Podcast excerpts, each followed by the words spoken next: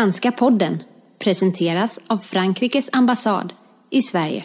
Bonjour Antoine Abou, merci de participer au podcast de l'ambassade de France en Suède, Franska podden. Et pour commencer, euh, première question euh, traditionnelle, est-ce que euh, vous pouvez vous présenter? Avec grand plaisir, merci de me recevoir. Je m'appelle Antoine, j'ai 23 ans et euh, il y a 4 mois, j'ai décidé de partir euh, faire un projet un peu fou, de faire 10 000 km en vélo autour de l'Europe pour aller découvrir des solutions environnementales. J'ai commencé euh, dans une démarche vraiment très large, en commençant par interviewer différentes personnes sur Paris, comme différentes sociétés qui s'investissaient dans des, dans des problématiques environnementales. Et après, je me suis vite rendu compte qu'il fallait que je me spécifie pour faire un vrai travail de fond et je me suis spécifié dans le secteur de l'énergie, qui est à la base de tout, et donc du coup, et spécialement de l'hydrogène.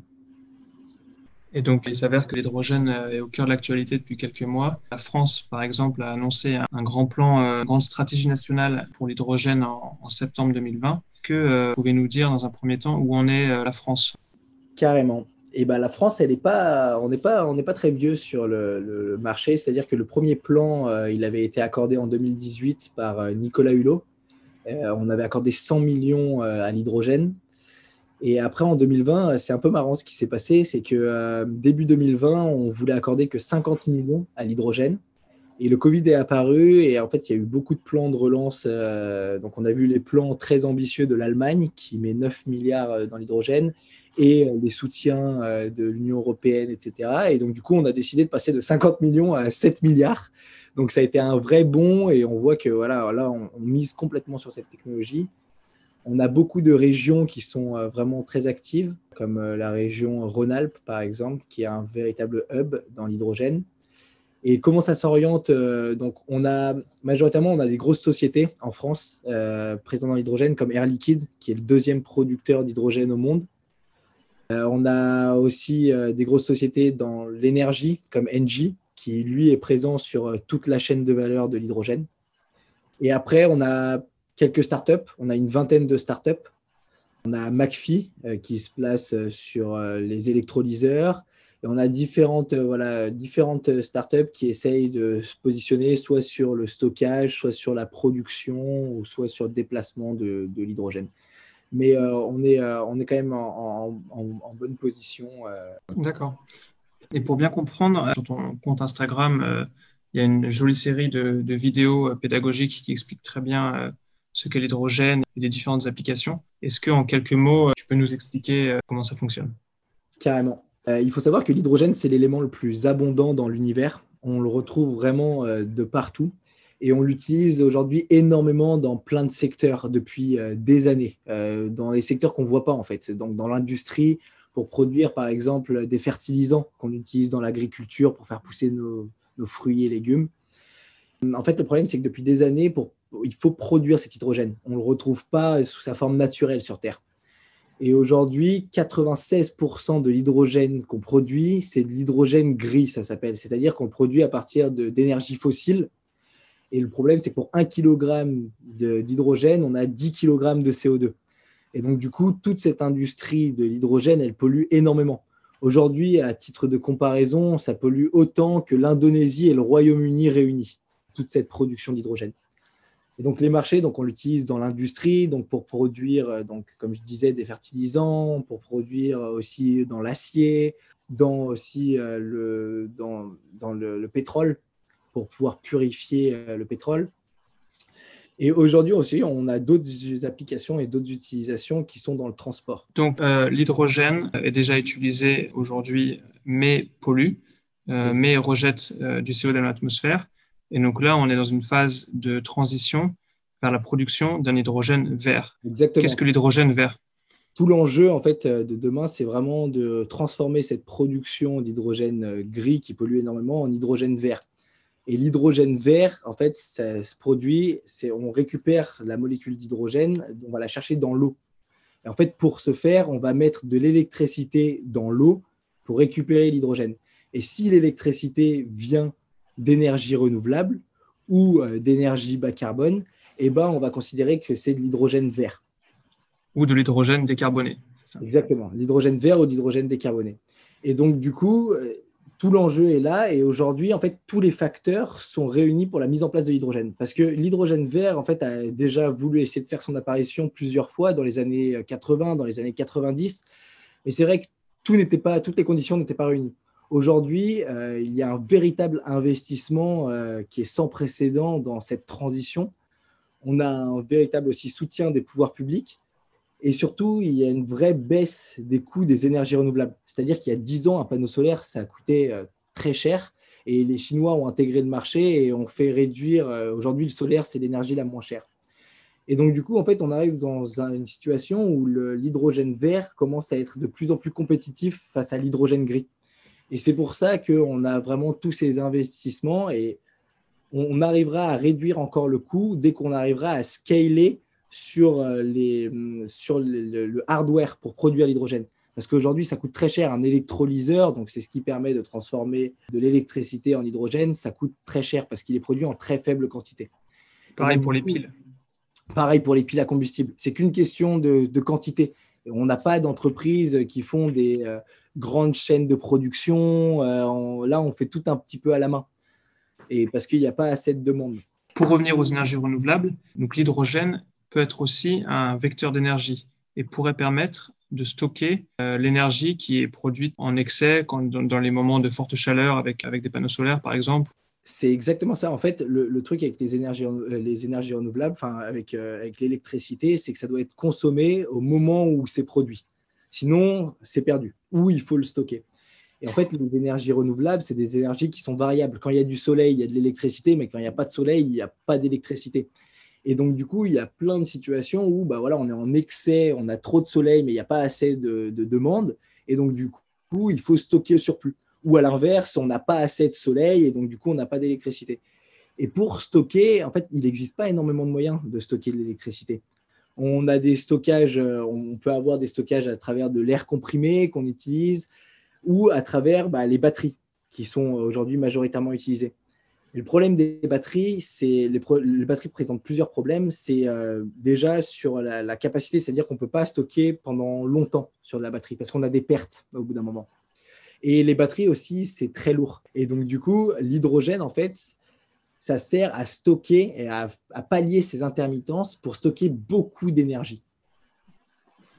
Et où on en est justement sur cette application Aujourd'hui, on est en phase de test dans le, monde entier. La technologie fonctionne très bien parce que c'est une technologie qu'on connaît depuis plus de 200 ans. Donc euh, vraiment, euh, on n'a pas de problème. Après, on a beaucoup d'évolutions pour que ça soit de plus en plus efficient parce qu'aujourd'hui, il y a quand même des pertes dans l'hydrogène. Et après, une fois qu'on a stocké de l'énergie, on va pouvoir la réutiliser et euh, la réutiliser quand on en a besoin et où on en a besoin. On va pouvoir la transporter et voilà. Donc ça répondra à une problématique euh, majeure des énergies renouvelables actuellement en fait. Exactement, parce qu'avec le développement des énergies renouvelables, en fait, on a cette réelle problématique de pouvoir euh, pallier ces intermittences. Parce que par exemple, ce qui s'est passé en 2016 euh, en Australie, tout le sud du pays s'était retrouvé sans électricité parce qu'il y avait eu un, orage et que ça avait cassé des fils électriques et donc du coup que les éoliennes tournaient plus. Et donc du coup, toute la ville s'est retrouvée vraiment sans électricité. Et ça, c'est des problématiques qu'on va avoir de plus en plus avec le développement des énergies renouvelables. Et donc, du coup, c'est une vraie question de savoir comment euh, stocker euh, cette électricité, cette énergie.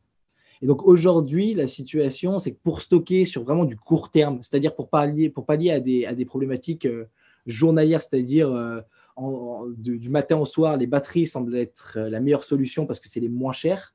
Mais pour pallier pour plus de temps, c'est-à-dire pour stocker euh, sur, euh, pendant une semaine, l'hydrogène euh, porte tout son intérêt. Et donc pour revenir à ton périple, donc après la France, rapidement, tu t'es tourné vers les pays nordiques et en particulier la Suède. Et donc pourquoi? Moi, c'était vraiment à, la base, j'étais venu rechercher des solutions environnementales. Et c'est vrai que d'une première approche, euh, on se dit bah les pays nordiques sont complètement avancés sur les solutions environnementales. C'est vraiment euh, un idéal que, que, plusieurs personnes ont et que je m'étais fait et qui est euh, en partie vrai parce que c'est vrai que sur votre production d'énergie, vous êtes sur des productions qui sont entièrement vertes. Par exemple, la Suède, c'est majoritairement à 40%, c'est de c'est du nucléaire. Et après, vous avez beaucoup d'hydraulique et vous êtes en train de mettre beaucoup d'offshore aussi. Et donc, euh, à, travers, euh, à travers ton périple, le but, c'est de rencontrer les acteurs de la filière euh, hydrogène à tous les niveaux. Est-ce qu'il y a des acteurs particulièrement intéressants que tu as pu rencontrer en Suède?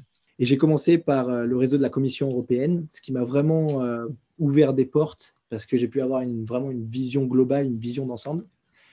Et quand je suis arrivé en Suède, j'ai pu rencontrer, j'ai pu découvrir, surtout découvrir le milieu de l'industrie avec euh, le projet euh, Hybrid, qui vise à, qui est un projet énorme de 40 milliards d'euros d'investissement sur 20 ans et qui vise à verdir le, le secteur de l'acier. Donc, qui est le projet, le premier projet à taille, à, taille à grande à taille industrielle pour verdir euh, toute cette industrie-là en remplaçant le carbone par de l'hydrogène pour séparer euh, l'oxygène du fer dans les minerais de fer. Et euh, du coup, j'ai pu rencontrer différentes personnes. J'ai pu rencontrer Martin Gornerup, qui est l'ancien CEO du projet Hybrid, donc qui lui m'a vraiment tout expliqué comment ça fonctionnait, en quoi on avait besoin d'hydrogène. Parce qu'aujourd'hui, dans le secteur de l'acier, on utilise un tout petit peu d'hydrogène, euh, mais demain, on va avoir besoin de quantités astronomiques. Que la Suède devait doubler sa production d'électricité pour pouvoir assumer les besoins en hydrogène de ce projet-là. Donc, c'est juste énorme euh, comme projet. Et donc, ça a été très intéressant euh, pour moi de, découvrir vraiment le secteur de l'industrie, qui est vraiment la plus grosse application dans le secteur de l'hydrogène.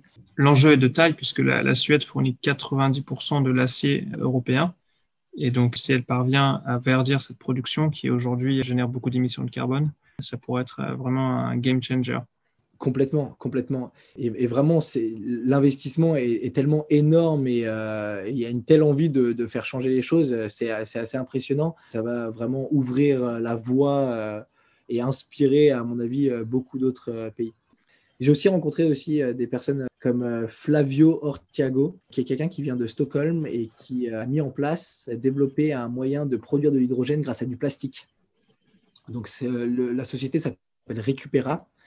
Et en fait, il va gazéifier, le processus s'appelle la gazéification, prendre du plastique, on va le transformer en gaz et on va pouvoir récupérer de l'hydrogène de ce gaz.